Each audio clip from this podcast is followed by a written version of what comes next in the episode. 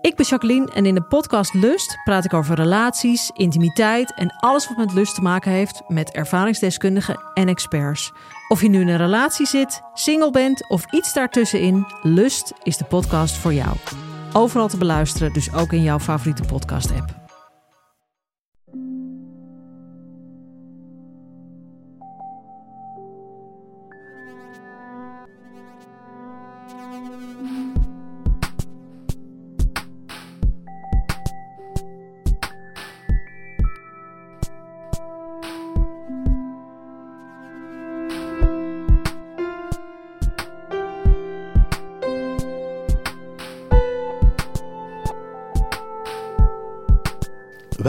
Aflevering 11 van de Relaas podcast. In Relaas vertellen mensen een waar gebeurd verhaal dat ze zelf hebben meegemaakt. Deze keer is dat het verhaal van Inke Hutse, een heel talentvolle journaliste. Ze schrijft onder meer voor Charlie Magazine, die doen ongeveer hetzelfde als wij. Ze maken waar gebeurde verhalen van mensen, maar dan online en vooral in tekst.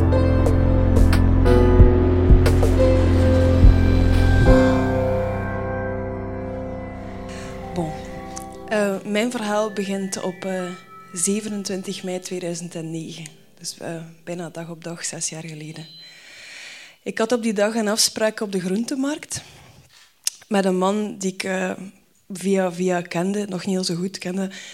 Je leert die kennen, je voegt die toe op Facebook. En ja, dat wordt een kennis, maar ik ken die nog niet zo heel goed.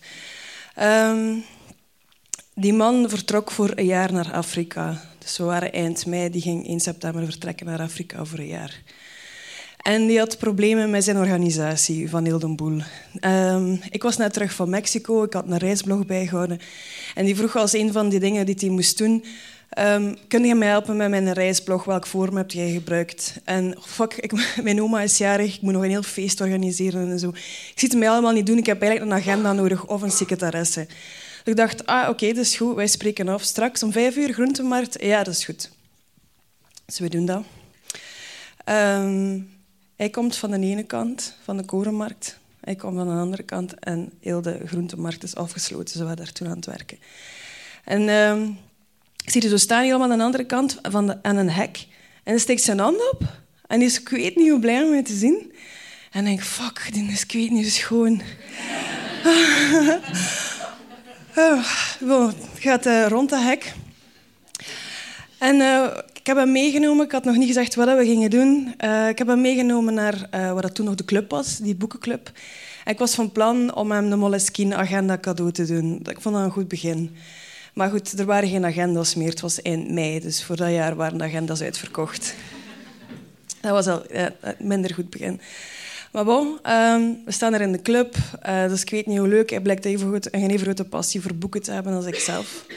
En uh, we babbelen, babbelen, babbelen, babbelen. De, het, was, het vijf uur, hè, die afspraak. Dus om zes uur zegt hij, ja, aperitiefje. Oh, ik zei, dat is goed.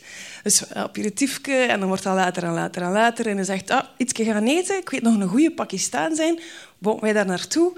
We gaan ons neerzetten. Ondertussen waren er een paar uur verstreken. En we zitten aan die tafel recht tegenover elkaar naar elkaar te gapen. En die ober komt bij ons. Jullie, verliefd hè? Verliefd, hij. Dus hij lacht naar mij en ik lach naar hem en er gebeurt iets raars. Wij zeggen allebei niet nee. Um, uh, bon, om een lang verhaal dan van dat ene avondje dan kort te houden. Dus, we zijn daarna nog gaan poescafé. En uiteindelijk was het drie uur als we terug op de groentemarkt stonden. En als wij afscheid genomen hebben het logisch gevolg van de dingen op dat moment zou geweest zijn dat hij mij gekust zou hebben. Maar die deed dat niet. Die pakte mij vast, die gaf mij een dikke knuffel en die zei... Allee, salut, merci. Ik zei, fuck. Achteraf bleek dat hij naar huis is gegaan omdat hij daar tegen de deuren zitten schoppen heeft. Uh, we hadden alle twee zoiets van... Die vertrekt hier binnen drie maanden. What the fuck? Maar goed, we blijven contact houden en dat is leuk. En we zitten aan het sms'en. En drie dagen later ging het mijn verjaardag zijn. Ik werd 30, op 30 mei. Ik ging een groot feest geven bij mijn zus in Deinzen op een boerderij. En hij ging komen en ging mij ook helpen met de voorbereidingen daarvan. Dus uh, wij spreken af dat we zaterdag, dat was dan zaterdag, dat we de trein gingen nemen, uh, smiddags samen. Maar de vrijdagavond ben ik mijn verjaardag al aan het inzetten. En we zijn heel veel sms'en naar elkaar aan het sturen. En op een bepaald moment komt er een sms. kussen ad infinitum. Zo. Dus ik reis s'nachts naar huis. En op een of andere manier is mijn fiets afgebogen naar de plaats waar ik wist dat hij zat. Die werkte toen in de mosquitocoast en hij had net gedaan met werken. En hij zei, ik zit nog uh, af te ronden, ik zit aan een toog. Dus ik rijd daar naartoe en ik ga daarnaast zitten. En hij zegt, ja, weet je, als ik morgen met u ga meegaan en uw oma en al die zien mij, dan ga jij wel ongelooflijk verliefd worden. En ik zei, ja, mijn oma moet u daar al lang niet meer voor zien, hoor. Dus uh, we zijn naar buiten gekomen. Die heeft mij toen wel gekust. En we zijn samen naar huis gegaan. We zijn de volgende ochtend uh, naar Deinzen gegaan. Uh, ik weet niet feestje. Die heeft mij s'avonds in, mijn bed moeten steken. Hè, dat ik zo naast het bed gekotst had. En van die dingen. maar bon, het kon hem eigenlijk allemaal niet schelen. En wij waren een koppel sindsdien. Uh, met heel veel twijfels. Want ja, die ging in september vertrekken voor een jaar. Maar ik dacht, what the hell. Wie weet is dat hier binnen een maand al gedaan. Dus we doen door. En dus, dat wordt een ongelooflijk schoon verhaal op dat moment. Dat was... Ik ben nog nooit zo verliefd geweest. Wij liepen door de stad en we keken zo naar elkaar. Waar komde jij? Waar komde jij uit? Ik zeg, waar komde jij nu eigenlijk? Dus uh, dat was passie al om. Het was zomer, het was wijs. Um, maar goed, dat die datum van 1 eh, september nadert, dat hij gaat vertrekken. En in de Gentse feesten, in juli, zeg ik, ik weet je wat, ik ga mee met u. En dan was ik weet niet ontlading. Zo, daar iedereen, die gaat mee met mij naar Afrika. Ik ga naar Afrika, die gaat mee met mij. Ik ken die nog maar een maand, maar die gaat mee met mij. Dus um, oké, dan heb ik zo een heel spel in gang moeten zetten. Want Afrika, daar zijn vaccinaties voor nodig. Ik had een job, ik heb die opgezegd. Ik moest dan nog alle papieren regelen om ja, überhaupt mee te kunnen gaan. Ik heb dan gefixt dat ik van een dop kon leven, hè, terwijl ik, dat ik moest meegaan. En zo van die dingen. Dus uh, tot uh, ongeveer de eerste week van augustus alles dik in orde. En het is gedaan. De relatie is gedaan. Ik zat in zak en as. Um, ik zo al een oog heb uitgebleid of zo. Uh, maar goed, dat komt weer goed. Een week later is het weer goed. Maar wel met reserves. Op dat moment uh, had hij zoiets van... Ik weet niet of dat zo'n goed idee is dat wij hier door Afrika gaan trekken. Ik, ik weet het ook niet. Dus uh, we beslissen dat ik niet ga meegaan. Of dat we dat een beetje gaan afwachten in ieder geval. Um, dus hij vertrekt en dat is een uh, hallucinante dag en nacht geweest. De nacht voordat hij vertrok was super emotioneel. Afscheidsfeest van hem. Um, ik heb dat bijna niet getrokken. Ik weet eigenlijk niet zo goed dat ik dat gedaan heb. Maar hij is vertrokken. Hij, ging, uh, is, hij is naar Egypte gevlogen en heeft dan vanuit Cairo heel de Nijl gevolgd tot in Soudaan. Uh, dat was zijn plan. Hè? Dus over land, uh, Soudaan door naar Ethiopië, waar het de oorsprong van de Nijl ligt, via Kenia naar Oeganda. En dan ging die, dat ging hij zes maanden over doen om op 1 januari 2010 te starten in Congo aan een vrijwilligersproject. Die zit vijf dagen in Cairo, begin september, en ik krijg telefoon. Je moet afkomen. Ik zie je dan niet zitten alleen. Dat ging ons ding hier worden. ja, oké, okay, dat is goed. Mijn huis beginnen onderverhuren, alles in dozen gestoken. Die vaccinaties alsnog. Een visum. Ik moest dan... Uiteindelijk ging ik dan drie weken later daar zijn, maar op dat moment ging hij in Soudaan binnengaan. In Soudaan raakte echt niet zomaar binnen. Je moet daar een visum voor hebben. En dan moet je iemand hebben die je uitnodigt. En je zegt, dat gaat nooit lukken, dat visum van u, dat gaat nooit lukken. Ik ga, what the fuck? Nee, ik ga naar Brussel, naar die ambassade. Uiteindelijk, eh, dat is allemaal in orde gekomen. Dus ik vertrek.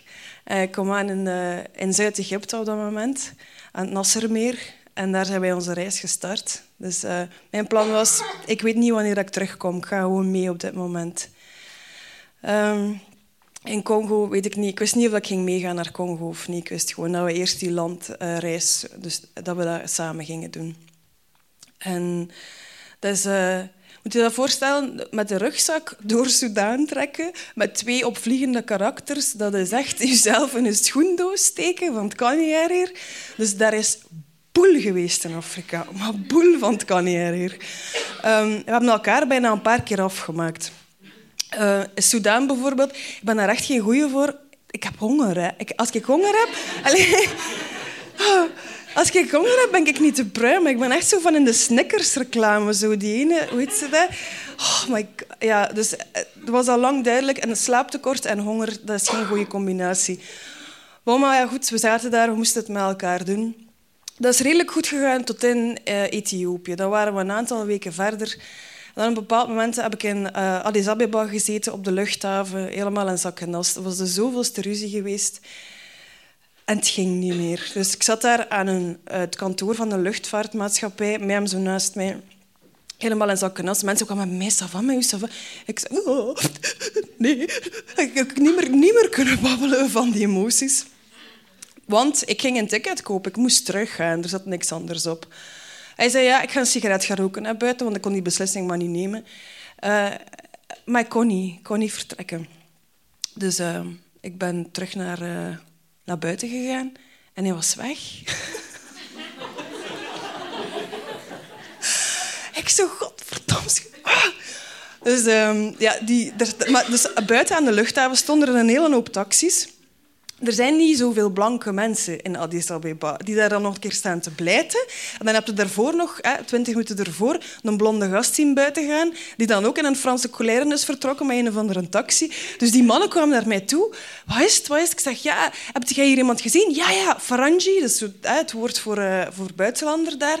Ja, die is met tien een taxichauffeur vertrokken. Dus al die mannen beginnen met elkaar te bellen om de taxichauffeur te zoeken waar dat ik mee... Waar dat, waar dat, ja, dus die een man mee vertrokken was. Ze hebben hem gevonden. Dus hup, ik in die een taxi daarachteraan. en daar, ook, ik weet niet ruzie gemaakt. Ik, ben, ik had die deur opgesmeten. Wat denkt hij eigenlijk wel? Ging je gewoon een sigaret gaan roken? Nee, jij ging vertrekken, jong. Wat is dat met u? Bon, we zijn verder gegaan. We zijn nog... Um, ja, dus, maar zo was dat dus constant eigenlijk. Um, we zijn uh, dan uh, Ethiopië blijven hangen heel lang. Dan zijn we uiteindelijk naar Oeganda gegaan. Ik kan daar nu wel vertellen dat, dat was eigenlijk verschrikkelijk. Maar dat was geweldig. Ik herinner mij dat als een van de mooiste avonturen dat ik ooit meegemaakt heb. Zowel emotioneel als dat, heel dat landschap, die mensen, die ervaring. Dat was de ervaring van mijn leven. Ik kan daar voor de rest van mijn leven opteren gewoon. Dus we zijn uiteindelijk naar uh, Oeganda gegaan. Uh, dan was het al december. Uh, ik ben mij meegegaan naar de ambassade van Congo in Oeganda om heel dat visum te regelen. Maar ik heb het voor mezelf niet geregeld. Dus ik zat daar en ik moest beslissen, wat ga ik hier nu doen? Um, tot 23 december. Dan hebben we weer ongelooflijk ruzie gekregen, uiteraard. Um, en hij zei, ik zie er geen gat meer in. Ik zie het echt niet meer zitten. Ik zei, wat moet ik dan doen? Ah ja, ik weet niet. Hij, hij, hij, zei nooit vertrek. Dus ik heb gezegd, oké, dan ben ik weg. Ik heb mijn boel in mijn rugzak gestoken en ben aan de kant van de weg gaan staan. Moet je je voorstellen, in Oeganda is er niets. Hè. Hij is zo'n fucking middle of nowhere gat waar ik zat. Uh, op een of ander campingsje waar je moest douchen met een emmer. die een touwke moest trekken. Zo was dat daar. Dus ik ben in een auto gestapt. Dat stapte dan zo hè, in een taxi in Oeganda. Dat is hilarisch. Er kunnen negen mensen in, hè, in een gewone auto. Zo twee op de passagierskant, nog iemand bij bij de chauffeur op de zetel en dan nog vijf van achter. Hoe dat ze doen? Bon, ik ben daar dus tussen gekropen, heel de tijd aan het wenen. Ik ben naar het dichtstbijzijnde stadje gegaan. Daar heb ik een andere taxi gepakt om naar de hoofdstad te rijden van uh, Oeganda. Uh, daar heb ik een nacht gespendeerd, ben daar s'nachts toegekomen. De volgende dag was het kerstavond. Um, ben ik uh, ja, volledig in zak en as. Ik kan je nu de wanhoop niet beschrijven eigenlijk, die ik voelde op dat moment, want dat was de man van mijn leven. Ben ik uh, naar het kantoor van de luchthaven gegaan en heb ik gevraagd om mij een ticket te geven om naar België terug te kunnen. Maar dat lukte niet. Die man zei, sorry, alle vliegtuigen zitten vol, dat gaat gewoon niet. Ik zeg, je moet mij op een vliegtuig krijgen. Um, een ticket, dat kostte veel geld, maar... Uh, ik had het er allemaal voor over, ik kon daar niet blijven. Uh, uiteindelijk is die, is die man naar mij toegekomen en gezegd, het is gelukt, ik heb je op een vliegtuig gekregen. Dus ik zit in die wachtzaal om zo te borden. Ik heb nog een sms naar hem gestuurd. Als je nu zegt dat ik niet moet vertrekken, dan vertrek ik niet. En er kwam geen antwoord. Dus ik ben vertrokken. En ben dus op kerstdag thuisgekomen. En ja, de, eh, ik, was met, ik zat aan de grond. Maar uh, ik ben naar mijn zus gegaan daar kerstavond gevierd. En op dat moment kreeg ik een sms. Waar zei jij? Zei... Bij mijn zus. In België? Ja. Ja, waar zeide jij? Ja, in Fort Portal. Dat was dat dichtstbijzijnde stadje waar ik die tweede taxi heb gepakt. Ik zei, gast, jong. Bon, we hebben toen veel gebeld. Hij is naar Congo gegaan. Hij is aan zijn uh, uh, project begonnen. En dat ging dan... We hadden ons voorbereid. Dat, we zijn nog altijd samen. We doen dat hier gewoon nog. Maar ik zie u binnen zes maanden. Dus dat was uh, eind december. En op 13 februari 2010 stond hij hier terug. Kreeg, en in één keer stond hij hier terug. Dat was dan een verrassing voor mij, voor Valentijn. um, dat project was helemaal misgelopen. Dat was niet uh, wat hij ervan gedacht had. Dus hij kwam terug. Hij had geen huis, hij had geen werk, hij had geen geld. Dus hij trok bij mij in. Uh, dat was... Uh, dat was echt, uh, moet je geen tekening maken. Dat was twee flessen cava en hoi, de hele dag feest.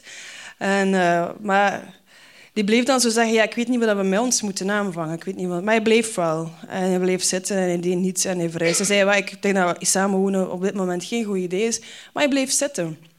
Ik dacht, oké. Uh, ja, en uiteindelijk hebben we dan een feestje gevierd. Hè. We hebben een feestje georganiseerd om dat allemaal te vieren. Uh, dat was... ja, wat moet ik ermee doen? Op 7 maart kan ik u nog zeer goed vertellen. Dat was Fit de Lente in heette dat feestje. Iedereen was een sporten nu, was kei grappig. En uh, ja, een week later was hij weer weg. Was hij uh, heeft steeds weer afgebold. En ik uh, kreeg mijn maandstonden money. Ja. ik kreeg mijn maandstonden money. Maar ik dacht, ja, allee, dat was verschrikkelijk. Uh, die was al, ik zeg, dat was de man van mijn leven. Ik heb nog nooit iemand zo graag gezien als hem. Dus ik dacht, ja, dat is hier de stress. Ik kon ook niet meer functioneren. Ik ben niet meer gaan werken in die week. Um, dat ging gewoon allemaal niet.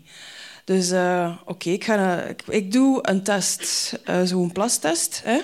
Negatief, twee keer twee keer negatief. Dus ik denk, oh, ja, alles in orde. Maar ik kreeg mijn maandstonden nog altijd niet. Dus ik ga naar een dokter. Ik leg heel dat spel uit. Hoe wenen, echt ongelooflijk. Ik kan heel goed wenen. Dat is eigenlijk verwonderlijk dat ik het nog niet heb gedaan op dit moment.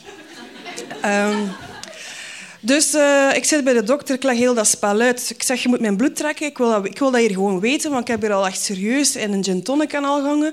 Oké. Dus zij nemen mijn bloed. Morgen, mevrouw Hutsen, kan je de resultaten verwachten. U mag dan uh, morgen tegen de middag bellen. Oké, ik doe dat. Ik bel tegen de middag. Mevrouw Hutsen, we hebben een probleem. We zijn uw bloed kwijt.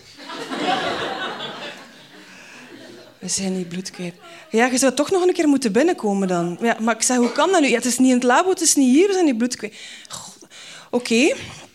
Ik uh, bereid mij voor, want ik was aan het werken op dat moment. Uh, om na de middagshift uh, kom ik dan naar de... Ik krijg telefoon, een uur later. Mevrouw Hutsen, u zou toch beter een keer binnenkomen, want u blijkt zwanger te zijn. Nu zou ik bijna beginnen wenen. ik bleek zwanger te zijn. En ik werkte op dat moment samen met hem nog altijd in de Mosquito Coast. Dus ik zie hem staan. Ik stond in de keuken en ik zie hem door het raam staan, het terras afspuiten. Het was begin maart. Uh, dus ik ben er naartoe gelopen en ik heb dat beeld nog altijd in mijn hoofd, dat hij zo zijn handen naar zijn hoofd haalt. Op het moment dat ik hem dat zeg. Die had een week lang niet tegen mij gesproken. Hè. Die is heel goed in negeren. Dat was verschrikkelijk. Dus ik was volledig in shock. Ik was echt aan het tuiveren. Um, uh, ja, bon, die is mee met mij gegaan naar een dokter om de resultaten dan maar te gaan beluisteren. Hè, hoe ver dat ik was en van die dingen. Ja, uh, het was echt uh, zonder twijfel, ik was zwanger. Dan hebben we een week lang heel veel gepraat, heel veel gehuild. afspraak gemaakt bij de abortuskliniek, want ja, hij wil al je opties open houden. In mijn hoofd was al redelijk snel duidelijk dat als de man van mijn leven, ik, ik kan dat kind hier niet wegdoen, dat gaat niet. Een kind van hem is eigenlijk wel welkom, dus echt een liefdeskind. Maar dat is, eh, dat, is, dat is zoiets emotioneel je wilt daar rationeel over nadenken. Dus je maakt een afspraak bij de abortuskliniek. En ondertussen gaan we ook naar het CAW, wat echt een maat voor niets was, maar goed. En dan blijft hij maar praten, praten, praten. En na een week krijg ik telefoon en hij zegt... Ja, uh, we moeten een keer klappen. Hè. Vanavond gaan we daar gaan eten. Ik zie u dan. Oké. En ik ga daar naartoe en hij zegt... Ik wil er alles aan doen opdat dat hier goed afloopt. Wij gaan die relatie, we maken dat dat werkt. Uh, want eigenlijk zie ik u graag. Hij had nog een sleutel van mijn huis, zijn rugzak en zo met zijn grief stond al lang terug bij mij thuis. En hij was terug. En dan hebben wij... Um, ja, dat, was fijn. Hè? Ik was zwanger en dan hebben we echo's gedaan en van die dingen. En zes weken later was hij weer weg. Is die uh, tijdens de ruzie s'nachts vertrokken. Op dat moment was ik drie maanden ver. Dus uh, ik heb dan niet zoveel opties meer. Niet dat ik nog opties wilde, maar... En dan ben ik uh, echt straight into hell gegaan. Ik ben, de laatste zes maanden van mijn zwangerschap heb ik dus heel veel Grey's Anatomy gekeken. Heel veel gebleid. um, ja, zoveel schrik gehad, want je weet niet wat er te wachten staat. Hè. Je weet ook niet hoe goed het allemaal gaat lopen. Ik had een plan om uh, thuis te bevallen en al van die dingen. Dat was allemaal al uitgezocht. We moesten dan afspraken maken om uh, een naam te verzinnen. Dat was verschrikkelijk. Want ja, die was dan ook bezig. Ja, ik wou al vrij snel weten, na twee weken of zo, nadat hij vertrokken was, uh, hoe gaan we dat hier regelen? Dat kind, hoe, hoe, lang gaat dat bij u zijn? Hoe lang gaat dat bij mij zijn? Ik denk aan acht, vijf. I don't know. Ik heb nog nooit een kind gekregen. Want dat was verschrikkelijk. We, konden eigenlijk, we kwamen er niet meer toe om te communiceren op een bepaald moment. Ik was zo kwaad dat hij weg was gegaan. Uh, dat was echt langs elkaar communiceren, want het kan niet erger. En ik denk dat, uh, dat, ongeveer, dat ik ongeveer zeven maanden ver was als ik zei van nu is het genoeg geweest. Uh, ik kan dat hier niet meer. Ik, ik, ik weet dan niet hoe ik dat hier moet aanpakken.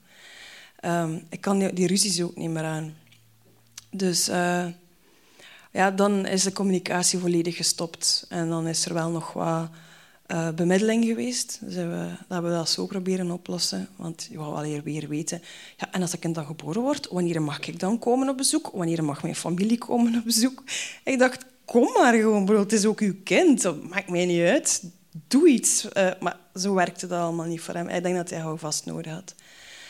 Dus... Uh, zeven maanden alle communicatie gedaan. Dus ik uh, sukkel nog twee maanden verder met zo olifantenpoten, vocht ophouden en al. Ik weet, als je kinderen al gekregen hebt, dat is verschrikkelijk. Um, dus uh, ik ging thuis bevallen. Dat was ook allemaal al goed geregeld. Tot als ik op 35 weken naar de gynaecoloog ging. En dat kind maar niet draaide. Dus die bleef in stuit zitten ik hoor het daar nog zeggen, de kans is astronomisch klein dat hij nog draait. Want ik heb blijkbaar een vlies in mijn baarmoeder dat maakt dat uh, heel veel vrouwen geen kinderen kunnen krijgen. Op dat moment dacht ik, allee jongen, die kleine moest hier echt wel zijn. Hè? Uh, ik wist op dat moment nog altijd niet wat ik zou krijgen. Ook. Dat is zo mijn enige houvast geweest tijdens heel die zwangerschap. Is dat ik het geslacht van dat kind niet wist. Um, om zo, zo, een stukje magie te behouden of zo, denk ik, was dat. Maar goed, uh, dat mocht ik dus ook al op mijn buik schrijven, die, uh, die wens van hoe dat mijn zwangerschap verliep. Dat was dus niet thuisbevallen. Integendeel, dat ging keizersnede moeten worden. En ik dacht, uh, ik heb daar ook nog een keer vrij veel om gebleid. En dan heb ik gezegd, niet met mij. Dus ik ben beginnen zoeken naar een gynaecoloog die ehm, gespecialiseerd was in het stuitbevallingen op een natuurlijke wijze. En ik heb dat gevonden in Oostende. Dus ik moest op 39 weken binnengaan in de kliniek. Dat is een dinsdagochtend om 7 uur. Uh, en op maandagochtend om 8 uur had ik een afspraak met die gynaecoloog in Oostende. Maar ondertussen had ik toch wel al zo'n klein beetje weeën in het weekend ervoor. Allee, ik had er eigenlijk redelijk veel. Maar ik dacht, nee, nee, nee, nee. Uh, acht uur Oostende, jong. Echt niet. um, dus ik zat op zondag, die zondag daarvoor dan, hè, zat ik bij mijn ouders, uh, grootouders en zo. Mijn zus, heel de familie was samen, want we gingen nog wafels eten. Dat was wel nog, uh, kon ik ondertussen wel, maar ik was al ja, dik genoeg. Um, mijn zus krijgt telefoon terwijl ik daar zit. En die kijkt zo naar haar gsm en die gaat buiten. En ik kom terug en die doet zo naar mij haar hoofd van kom ik hier. Dus we gaan naar de gang. En ze zegt, Tim heeft gebeld. Ja? Zijn zus heeft een uh, zwaar accident gehad van de nacht. Het was eind november. Zijn zus is van de weg geramd. Samen met haar uh, man in een auto. En uh, die man is, die lag al twee op intensieve. Die man is zijn arm kwijtgeraakt in een accident. En dus heel dat gezin stond op zijn kop. En hij vond dat ik dat moest weten, dus, maar hij wou niet naar mij bellen omdat ik zo helemaal op het einde was. En, dus hij belde daarvoor naar mijn zus. En daardoor heb ik hem wel gebeld, die dag, die zondag. Heb ik hem gebeld, zijn we terug beginnen babbelen. S'avonds ben ik in mijn bed gekropen met weeën om de vijf minuten. Maar ik dacht, nee, nee, nee, nee. Acht uur Oostende, ik moet daar naartoe. Uh, en om, uh, dat was rond twaalf uur. Om half drie s'nachts ben ik wakker geworden van een soort ballon die ontploft in mijn buik. Van een kind dat met de voeten naar beneden zit, dat houdt geen water tegen of zo. Normaal zit, zit dat hoofd daar en dat houdt allemaal tegen, maar dat was echt... Een hele ballon water dus. Ik zat boven, ik heb zo uh, parket in mijn slaapkamer. En al wat ik aan denken is, oh fuck, mijn parket. en mijn matras. Mijn matras was nat, hè. Ah, nee, moet ik hier nu naar beneden geraken? Ik had een afspraak met een vriendin die mij dinsdagochtend naar de kliniek ging voeren om die keizersnede te ondergaan. Maar ik dacht, ja, het is al drie s'nachts, het is zondag. Kan ik die niet wakker? Die moet, naar, die moet morgen gaan werken. Hè? Ik, ga zelf naar de kliniek rijden. Dat leek mij een goed plan. Uh, maar goed, ik ben in de trap naar beneden gesukkeld. Ik had een valiesje klaarstaan. Ik zeg, en dan ben ik tegen de deur van de badkamer moeten gaan staan om die volgende wee op te vangen. Ik zei, ah, uh, toch niet zo'n goed idee precies om zelf naar de kliniek te rijden.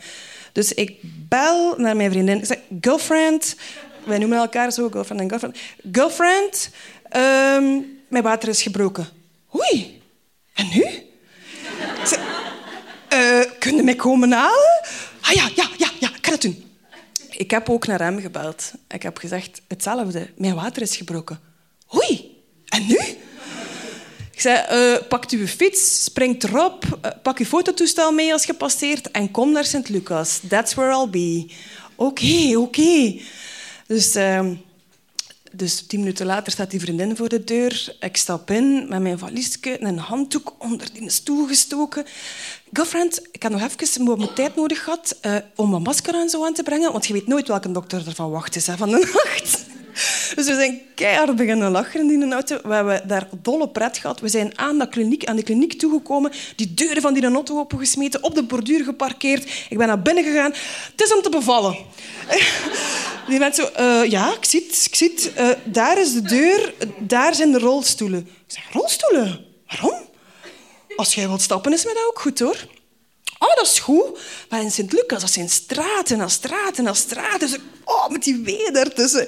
Allee, maar het was, ja, uiteindelijk is mijn vriendin dan ook nog achtergekomen met een rolstoel. Maar ik was al aan die deuren.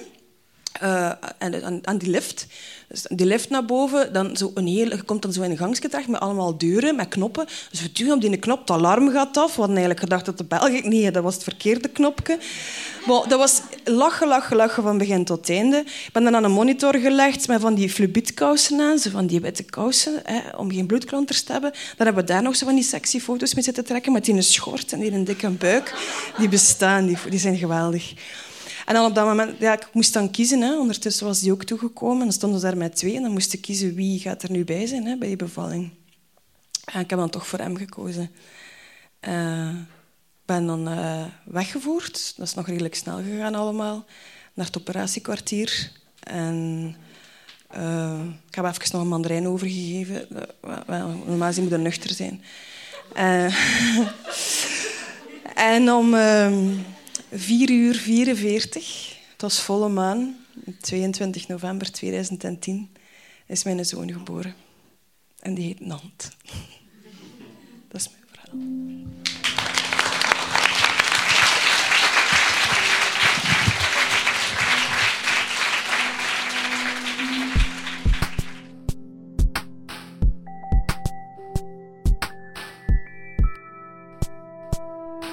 Dat was Relaas aflevering 11. Je hoorde de wonderlijke liefdesavonturen van Inke Hutse. De ontzetting was groot op de gezichten van het publiek toen Inke haar tegenslag opstapelde. Relaas is naast de podcast ook een maandelijkse vertelavond in Gent. Heb je zelf een bijzonder verhaal of wil je iemand tippen die een goed verhaal heeft? Wil je misschien zelf ook eens live langskomen als er een vertelavond georganiseerd wordt? Surf dan naar www.relaas.be en je komt alles te weten over ons, over de vertelavonden en over de podcast. Relaas komt tot stand met de steun van de stad Gent, Urgent FM en het REC Radiocentrum. Onze crew bestaat uit Dieter van Huffel, Timo van de Voorde, Sarah Latree, Sarah Smet, Valerie Schreurs, Philip Cox, Evert Savers, Charlotte Huigen en ik ben Pieter Blomme. Like ons op Facebook, typ gewoon Relaas in, abonneer je op onze podcast op Soundcloud of iTunes, waardeer ons op iTunes, please, please, please, please, please. Laat een comment achter, we hebben die echt nodig. Alle hulp is meer dan welkom. Bedankt.